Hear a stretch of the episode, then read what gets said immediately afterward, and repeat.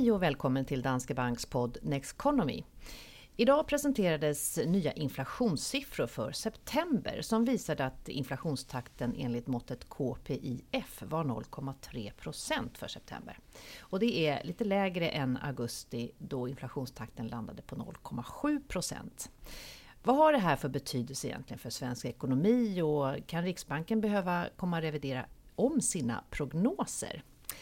Det här tänkte vi prata med Danske Banks chefekonom Mikael Gran om, som är med mig här idag i studion. Välkommen hit Mikael! Tack Anna! Ja, vad säger du om dagens inflationssiffror, eller dagens septembers inflationssiffror ska jag säga? Mm. Jo, de var, ehm, de var betydligt lägre än vad vi hade räknat med. Ehm, och de var även lägre än eh, marknaden Eh, och även lägre än Riksbankens eh, prognos mm. också. Så att eh, de, de undersköt på, på alla håll och kanter. Och det har ju varit nu under coronaepidemin här har varit ganska svårt att hitta rätt i inflationssvängningarna här som har varit pågått ett par månader. Och, och, och vi har haft problem med, man kan se till exempel på kläd reorna, eller klädprisernas utveckling om jag mm. uttrycker det så. Det brukar ju vara reor i juni och juli som följs av prisuppgångar i augusti-september. Och då såg vi här i juni och juli att klädreorna var mycket mindre än vanligt trots att konsumtionen hade ju fullständigt säckat ihop. Mm. Alltså det var mycket, mycket lägre eh, försäljning av kläder och så vidare. Men det påverkade inte reorna. Snarare verkar det som att handlarna istället eh, inte ville sänka priserna okay. därför att omsättningen föll så mycket. Mm. Eh, och så kommer vi in i augusti nu, ja då gick priserna upp Eh, lite mindre än normalt. Ehm, och eh, vi tänkte väl nu när vi tittade på grannländerna här, utfallet som kom i Norge och Danmark, hur blir det nu i september då? Ja, då visade det sig att i, Norge och Danmark så var utfallet lite lägre än normalt. Då tänkte vi, jaha, då är, blir det väl likadant igen här i Sverige. Då ligger vi lite fel. Men Ki visade sig, just på den punkten eh, hade vi rätt att vara helt normala Eh, prisuppgångar då, eh, rätt kraftiga då, I augusti? Då, i, i, september i, september. i mm. Sverige. Mm. Så här skiljer sig Sverige emot Norge och Danmark. Så att det är liksom ingen riktig rätsida på det här säsongmönstret. Det är så ungefär mm. som grov sjö. Det slår in från, från alla håll och kanter. Men det som överraskade och tryckte ner inflationssiffrorna i Sverige i september eh, det var delvis livsmedelspriserna och det såg vi faktiskt även i, i, i grannländerna att de var nedtryckta. Det kan ju bero på att, till exempel på att kronan faktiskt har stärkts här ett tag under ett antal månader och det här innebär ju då att då blir ju importpriserna eh, lite lägre. Det kan vara en faktor.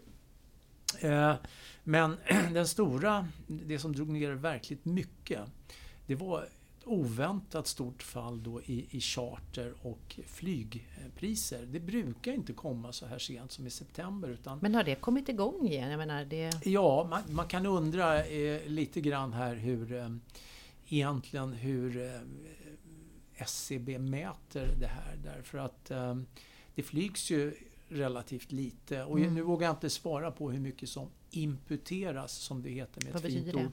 Jo, det betyder då att kan man inte samla in eh, statistiken ordentligt då använder man en beräkningsmetod där man istället för att beräkna till exempel då flygprisernas eh, årstakt, egentligen då inflationen i flygpriserna, då använder man istället eh, eh inflationen i övriga delar av konsumentprisindex. Mm. Man ersätter det så att säga med den inflationstakt man ser i, i de andra bitarna.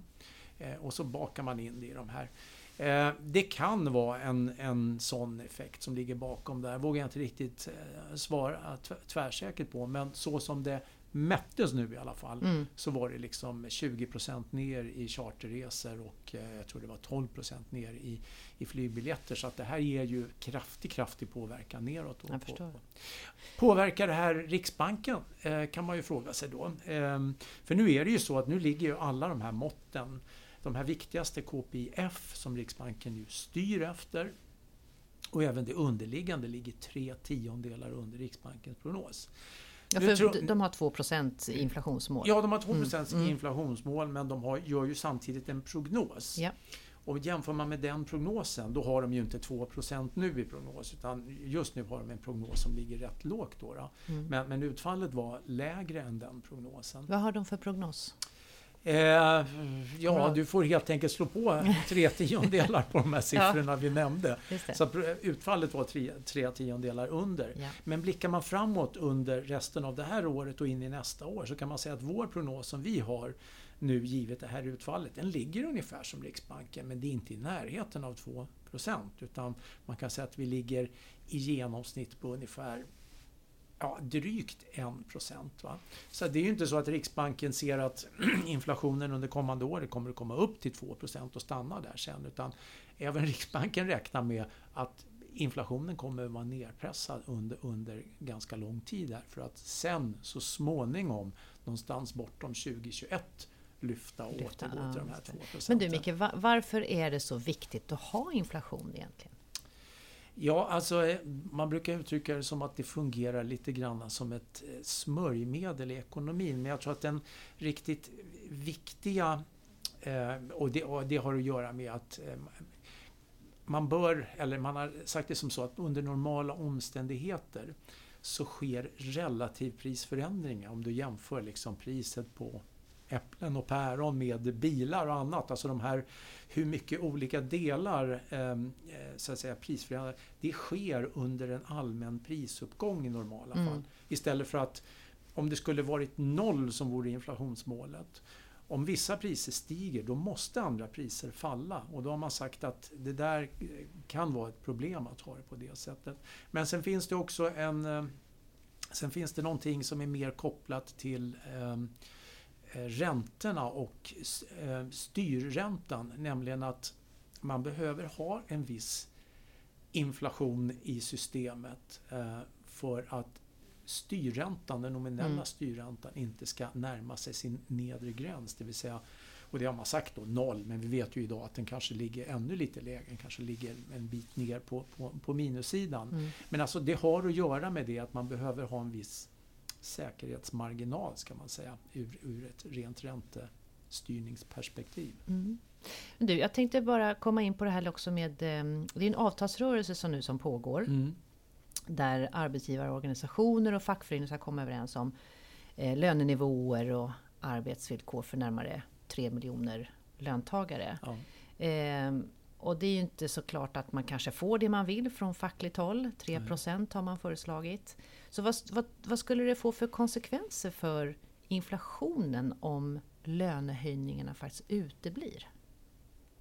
Ja, nu, har ju, nu, har ju, um, nu sker ju ingen löneupprevidering här sedan mars-april. Då, för mm. de här nivåerna är ju frysta ut så att säga. Och det gör att årstakten i...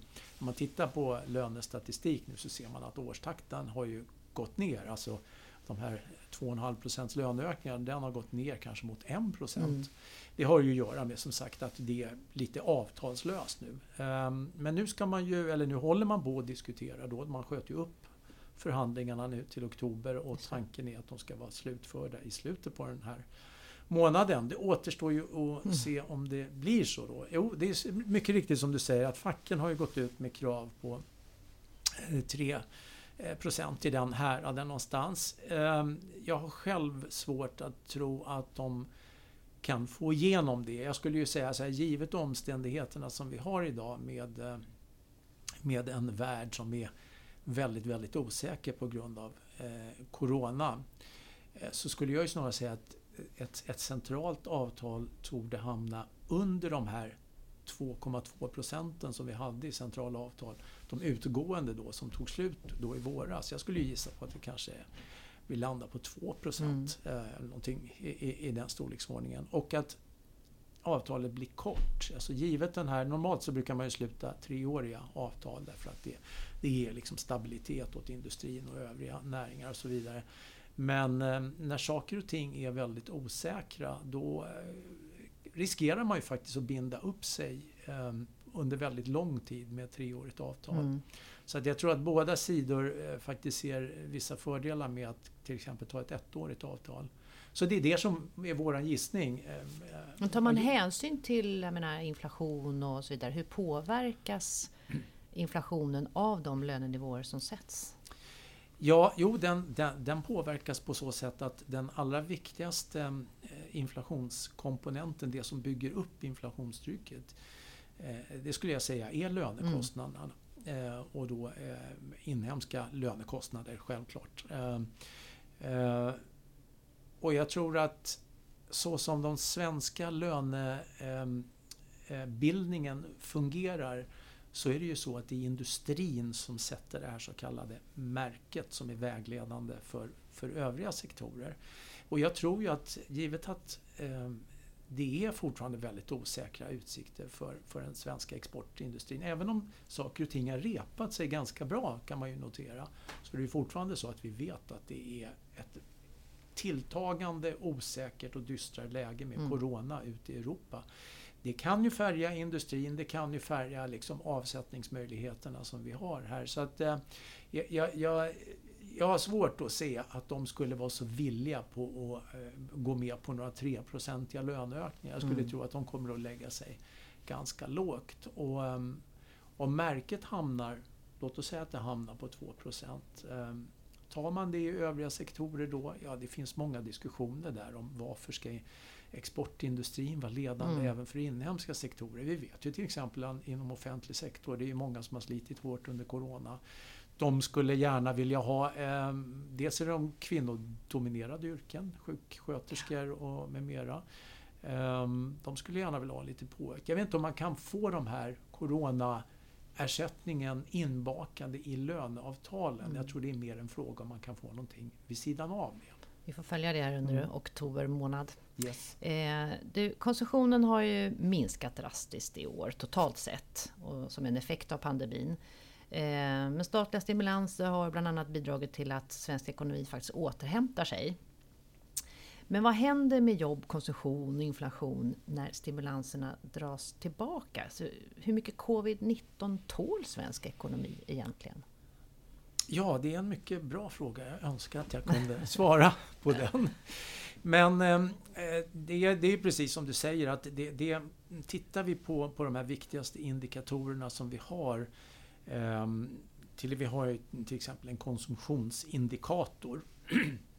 Och då är det ju så självklart att konsumtionsnivån är en bra bit under fjolårets nivå om man säger. Fortfarande då när vi tittar på den senaste siffran vi har för augusti.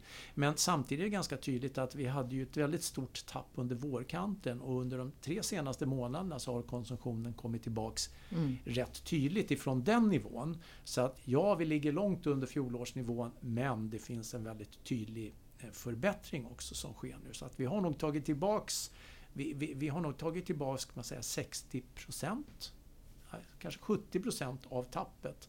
Men vi ska ju liksom fortfarande upp en bra bit härifrån. Mm. Eh, man kan se på produktionsindikatorn från tillverkningsindustrin att de är egentligen tillbaka där de var vid årsskiftet. Så, mm. så här, där ser det ganska okej ut. Så det beror lite grann på vilken sida man tittar på. Arbetsmarknaden är ju inte tillbaka men den brukar å andra sidan ligga lite senare här. Mm. Eh, försvinner, dyker vi ner igen om man drar bort stimulanserna? Ja, det är klart att det finns ju en... Det finns nog en sån risk.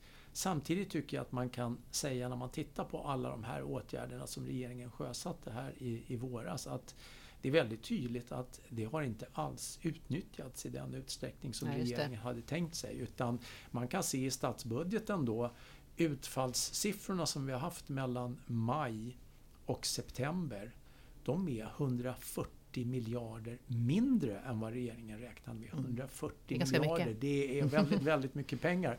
Så att eh, nej, man har inte använt eh, de här pengarna i den utsträckning eh, som, som är tänkt. Eh, och det är klart att vissa av dem kommer att behövas fortfarande, det tror jag. Men jag har ändå riktigt grann svårt att se den här oron för att vi helt plötsligt så blir det liksom som ett stup som vi ramlar ut för igen. Mm. Utan nu har ju regeringen kommit med ett nytt kickstartspaket här som, som ska hjälpa bilden nästa år. Mm. Vi får väl se hur, hur, hur eh, jag tror inte de här finanspolitiska stimulanserna är viktigast av allt utan det är nog även att det att, eh, så att säga, den globala ekonomin tar sig och det mm. kommer att hjälpa oss. Vi får se. Avslutningsvis här tänkte jag bara prata lite om, eller fråga dig om Riksbanken och styrräntan. De har ju meddelade så sent som i september om att nu kommer styrräntan ligga kvar på noll i drygt tre år till. Kan du förklara lite kort bara innan vi slutar hur Riksbanken resonerar? Så här, kommer vi få minusränta igen eller? Alltså det minusränta ligger ju inte i Riksbankens eh, planer men man hör medlemmarna, eh, direktionsmedlemmarna ofta säga att eh, ja, men det är ett av de verktyg vi har och, och, och, vi kan sänka igen. Så att det tror jag de är beredda att göra. Men om man till exempel tittar på den här inflationsbanan då som vi pratade om förut. Um, så om det utvecklar sig ungefär på det sättet som Riksbanken har tänkt, det vill säga att inflationen ligger långt under målet där även under nästa år, så kommer de i alla fall inte att sänka styrräntan av det skälet. Utan då, då måste, det, då måste det komma till någonting mm. ytterligare här. Ehm, och det är inte bara Riksbanken det ser ut så för. Det ser precis likadant ut för ECB. Det är mm. prissatt att de ligger still i tre år. Det är prissatt att den amerikanska centralbanken ligger still i, i under lång tid. Mm. Riksbanken har ju valt nu att mer arbeta med de här obligationsköpen. Det. det är det som är deras främsta um, medel då. Mm. Och där ska de ju köpa för flera hundra miljarder i eh, statsobligationer, bostadsobligationer, företagsobligationer ända till mitten på nästa år. Så det lär de antagligen fortsätta med mm. och då trycker man ju ner räntorna längre ut på kurvan. Eh, ja, det är ju fördel för de som vill låna. Det är en nackdel för de som vill placera därför att det blir inte så mycket avkastning på det. Det är ju minst sagt en eh, intressant tid som vi lever i. Eh, tack Micke för att du kom hit idag och redde ut lite begrepp för oss. Tack så mycket.